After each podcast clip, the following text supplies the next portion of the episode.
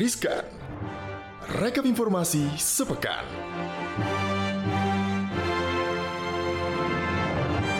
Hai hai hai, selamat pagi, selamat siang, selamat sore, selamat malam semuanya Sobat Cuan Senang banget ya sebentar lagi udah weekend Salsa artinya kita masuk ke segmen Cuap-Cuap Cuan Riskan Rekap informasi sepekan. Wah, Senang banget kita menyapa terlebih dahulu nih ya sobat cuan semua karena kita di sini berdua inval ya saya kita lagi membajak kita lagi membajak podcastnya cuap-cuap cuan gitu kan biar sekali-sekali variasi kali ya. Bener. Eh, tapi kayaknya pada lupa deh siapa sih kita?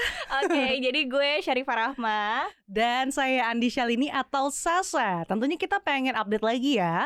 Informasi-informasi apa aja sih yang highlight dalam sepekan? Bener, karena banyak banget ya sebenarnya informasi-informasi menarik Mm-mm. di pekan ini ya saya. Tapi mungkin kita dari yang paling update dulu nih ya. Yap. Jadi breaking newsnya, em, Erick Thohir ini mencopot Direktur Pertamina. Jadi Wah. Kementerian Badan Usaha Milik Negara atau BUMN memutuskan untuk memberhentikan satu direksi PT Pertamina Persero yaitu Direktur Penunjang Bisnis Dedi Sunardi. Nah, pencopotan ini menyusul adanya insiden kebakaran di Terminal Bahan Bakar Minyak Pertamina di Pelumpang atau Depo Pertamina di Pelumpang, Jakarta Utara pada 3 Maret lalu, which is sepekan yang lalu ya saya. Iya, Fa. Kabar tersebut pun dibenarkan nih oleh Wakil Menteri BUMN 1 Pahala Nugraha Mansuri.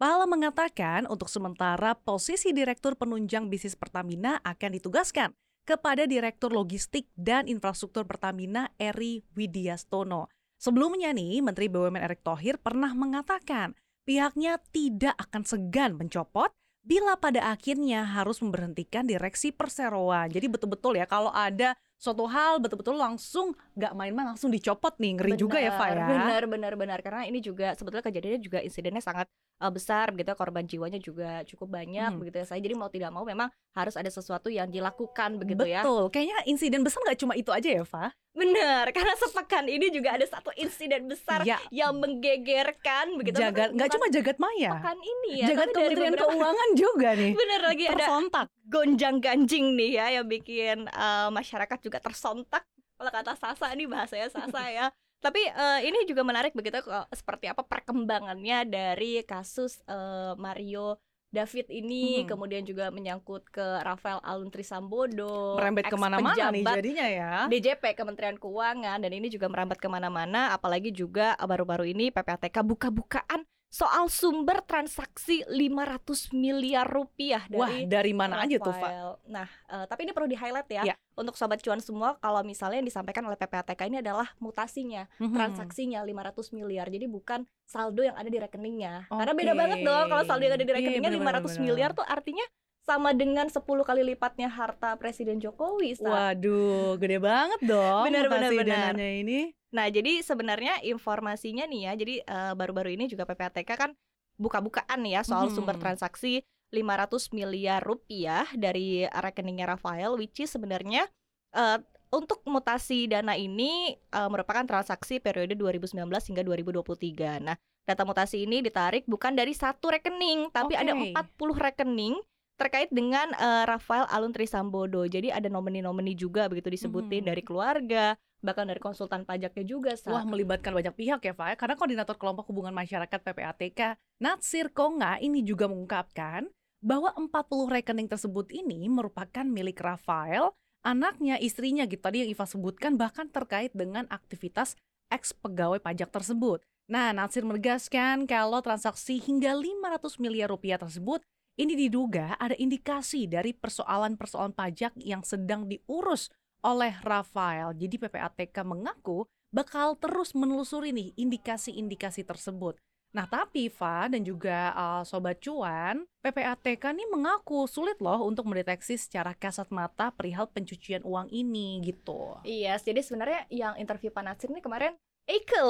Oke, kenapa tuh Iya, jadi seru kayak gitu dong? kurang, kurang lebih intinya yang disampaikan oleh Pak Natsir ini ya, ataupun juga dari PPATK ini adalah eh, tadi ya bahwa ada indikasi perputaran uang atau mutasi transaksi 500 miliar which is karena nominalnya ini juga besar banget gitu kan. Jadi sesuatu yang eh, tidak wajar begitu dan eh, PPATK pun juga mengaku akan terus menelusuri indikasi tersebut dan memang sebetulnya agak sulit ya saya untuk eh, mendeteksi secara kasat mata begitu perihal pencucian uang apalagi disampaikan juga begitu ya kemarin juga Pak Natsir bilang karena ini uh, tampaknya memang sudah dilakukan secara profesional. Tapi sekali Mm-mm. lagi ini masih dugaan ya. Kita akan Oke. lihat seperti apa proses kasusnya ini juga akan terus berlanjut gitu. Jadi ajang bersih-bersih juga ya di Benar. tubuh Kementerian Keuangan.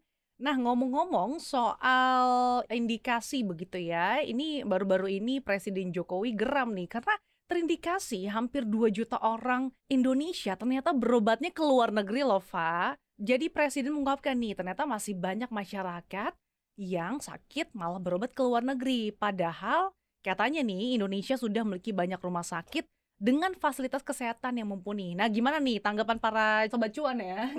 Setuju nggak nih kalau misalkan fasilitas kesehatan di Indonesia sudah cukup mumpuni? Nah, karena ini pro kontra juga ya saya sebenarnya karena maksudnya ada ba- eh, pasti banyak yang ngebelain juga kalau misal oh dokter kita juga nggak kalah keren kok Mm-mm. gitu tapi ada juga beberapa yang eh, mungkin pernah mengalami pengalaman yang juga kurang Iya, mengenakan gitu jadi betul. kalau kita lihat juga kok sebenarnya komentar dari netizen ini juga cukup bervariasi gitu kan tapi eh, yang kita lihat begitu informasi yang diterima oleh Pak Jokowi ini menyatakan bahwa hampir 2 juta masyarakat kita itu masih pergi berobat ke luar negeri apabila sakit. Nah, padahal eh, kita memiliki rumah sakit yang tadi ya yang tidak kalah Mhm. eh, keren gitu. Nah, Jokowi juga menerangkan dari data yang ada, hampir satu juta masyarakat Indonesia ini datang berobat ke Malaysia, sementara ada 750 ribu yang ke Singapura, sisanya juga banyak yang ke Jepang, Amerika Serikat hingga Jerman. Wah. Hmm, asal ditanggung asuransi sih nggak apa-apa ya. Iya, Tapi tadi bener. bukan itu poinnya ya. Poinnya Heeh. adalah eh, sebisa mungkin kita berobatnya di dalam negeri dulu gitu. Betul, karena kenapa sih Fa? Karena ternyata nih 165 triliun devisa negara pun hilang nih gara-gara hal tersebut. Jadi ternyata impactnya juga cukup besar ya, tidak hanya terdampak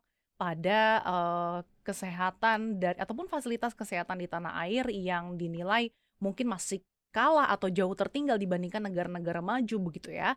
Oleh karena itu, pemerintah pun sangat mendukung pembangunan rumah sakit meski masih harus diakui nih ada-ada aja masalah seperti kekurangan dokter spesialis dan juga dokter subspesialis apalagi kita kalau berkaca pada masa pandemi awal-awal kan Pak begitu pandemi melanda ternyata kita eh, cukup dibukakan mata nih kalau tenaga kesehatan kita sangat-sangat minim begitu ya jadi Mm-mm. memang tampaknya tenaga kesehatan kita juga harus terus dibekali dan juga ditambah nih yang pasti Betul, dan tidak hanya itu juga tapi dari sisi eh, sarana dan prasarananya juga gitu ya. Iya. Karena kalau lihat juga nih ya eh, yang baru-baru ini ada tweetannya eh, seorang komika yang kemudian dibalas langsung sama ID yang mention juga bahwa sebetulnya nggak bukan salah di eh, tenaga kesehatannya, Kesehatan ya. bukan salah dari dokternya atau misalnya perawatnya. Karena perawatnya sekali lagi juga ataupun juga dokternya juga sekali lagi itu kan eh, masih memumpuni berkualitas juga. Tapi memang Problemnya adalah karena kadang-kadang rumah sakit ini juga suka mager ngeluarin dana Mhm. besar gitu kan untuk beli peralatan gitu. Business Jadi sekali lagi business. bisnis is bisnis ya. Ya. Jadi harus cuan gitu kan. Tapi ya sekali lagi kalau misalnya emang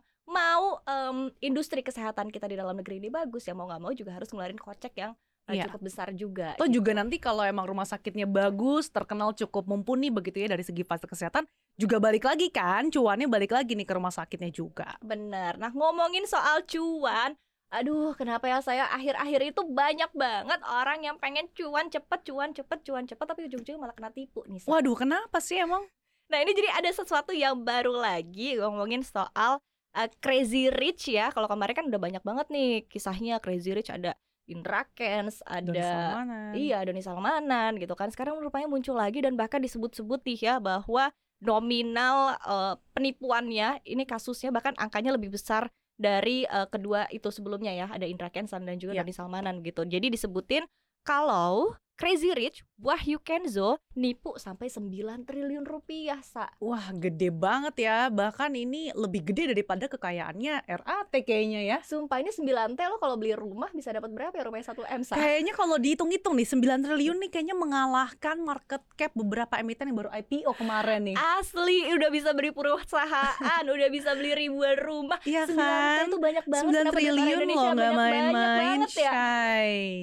Ya jadi kurang lebih gini ya. Jadi eh, ceritanya nih Crazy Rich Surabaya, Wahyu Kenzo ini menjadi tersangka kasus robot trading dan telah ditahan polisi. Jadi Wahyu sendiri ini adalah pemilik sekaligus founder robot trading ATG Mhm. yang meraup keuntungan sebesar 9 triliun dari 25 ribu korban. Wah ini kalau di rata-rata satu korban habis berapa ya? Waduh, ada-ada aja ya, Fa. Nah, 9 ribu M sa. Aduh, gila banyak banget loh nggak main-main. Nah, imbas dari perbuatannya ini, Fa, Wahyu dikenakan pasal berlapis, yaitu pasal 115 JO, pasal 65 ayat 2 Undang-Undang RI nomor 7 tahun 2014 tentang perdagangan dengan pidana penjara paling lama 12 tahun dan atau pidana denda paling banyak 12 miliar rupiah. Selanjutnya ada pasal 106 JO pasal 24 ayat 1 Undang-Undang RI nomor 7 tahun 2014 dengan pidana penjara paling lama 4 tahun atau pidana denda paling banyak 10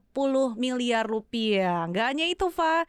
Pasal 45A JO pasal 28 ayat 1 Undang-Undang Nomor 19 Tahun 2016 tentang perubahan atas Undang-Undang Nomor 11 Tahun 2008 dengan pidana penjara paling lama 6 tahun atau denda paling banyak 1 miliar rupiah. Aduh, kayaknya saya cukup capek ya untuk membacakan ini. Ternyata berlapisnya banyak banget nih lanjutin banyak dong. Banyak banget masih belum selesai. Tadi Belum Sasa udah nyebutin ada beberapa pasal gitu kan, tapi rupanya masih ada lagi.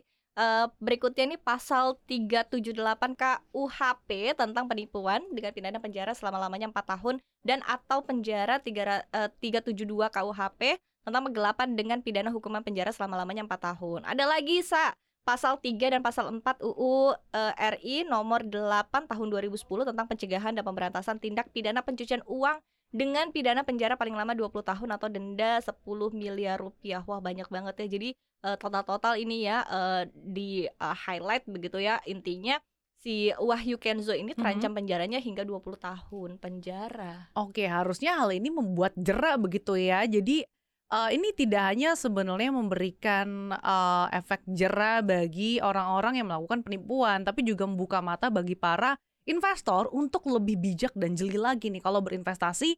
Lihat lagi nih bener-bener nggak ya under OJK nggak ya? Jangan sampai kena tipu nih. Kalau kalau udah kena tipu, aduh duitnya kira-kira balik nggak ya, Fa? Aduh. Bener banget, lebih susah banget pasti eh, kalau udah kena tipu terus minta duitnya balik, belum lagi harus keluar kos lagi ya, misalnya eh, sewa pengacara, Aduh, itu kan belum nggak sewa murah ya. tenaga, eh, belum harus nyiapin tenaga juga, which is itu Mm-mm. juga waktu pula. waktu pula. Jadi mendingan alokasi waktunya ya amit-amit daripada kena kayak gini istilah bencana ya, istilahnya Heeh. kena kena sial kayak gini mendingan belajar dulu, antisipasi dulu sebelum menaruh uangnya di mana-mana. Apalagi eh, sesuatu yang baru dan juga masih asing gitu. Kita kita nggak kontra sesuatu yang Iya. baru dan asing gitu ya. Eh, artinya juga di satu sisi kita tetap harus ngikutin perubahan zaman, tapi di sisi lain ketika ini sesuatu yang baru dan asing kita harus extra effort lagi buat cari tahu soal ini. Yap, cari tahu, cari tahu, cari tahu. Padahal ini kan bukan hal yang baru ya, Fa ya. Nah, Kapolda Jatim Irjen Tony Harmanto mengungkapkan nih, Fa, karena ada sebanyak 25 ribu korban robot trading yang tadi disebutkan itu tidak hanya berasal dari Indonesia, tapi juga dari luar negeri. Nah, ini juga patut menjadi perhatian ya, pemerintah juga nih, apakah emang ini bisa termasuk ilegal atau gimana nih? Karena kan dari luar negeri, kita trackingnya gimana ini juga harus patut diperhatikan. Karena sebelumnya Wahyu Kenzo secara resmi telah dilaporkan ke Bareskrim Mabes Polri dan laporan ini menyebutkan ada 141 investor yang menjadi korban dengan kerugian lebih dari 15 miliar rupiah. Wah, pokoknya sekali lagi intinya highlightnya ya gitu pesan moralnya nih ya untuk eh, kasus yang terakhir ini untuk informasi yang terakhir ini sekali lagi belajar belajar belajar belajar belajar gitu Mhm. kan termasuk Cari adalah tahu, riset, Bener, cari tahu risetnya juga bisa dengerin podcast cuap cuan ya Bener Ca- banget. saya. Sekalian promosi ini promosi kita dong yang Karena memang sudah pastinya. waktunya promosi nih ya Tadi kita sudah bacain sejumlah informasi dalam Riskan Rekap informasi sepekan Senang banget nih akhirnya gue dan Sasa bisa menyapa kalian semua Di podcast cuap-cuap cuan. Mohon maaf nih ya kita sebagai inval di sini Jadi jarang-jarang nih ya kita nyapa kalian semua. Semoga nggak bosan-bosan ketemu sama kita Semoga bisa ketemu lagi dalam waktu dekat. Yap, yang pasti dengarkan terus podcast cuap-cuap cuan di Spotify, Apple Podcast, Google Podcast, dan Anchor. Iya, jangan lupa juga follow Instagram cuap-cuap cuan di @cuap underscore cuan. Yang pasti jangan lupa juga nih untuk subscribe akun YouTube cuap-cuap cuan. Kemudian di like, comment, dan share sebanyak-banyaknya. Saya Sasa. Iya, dan gue Iva pamit. Bye, Bye. semuanya. Enjoy. Blackpink.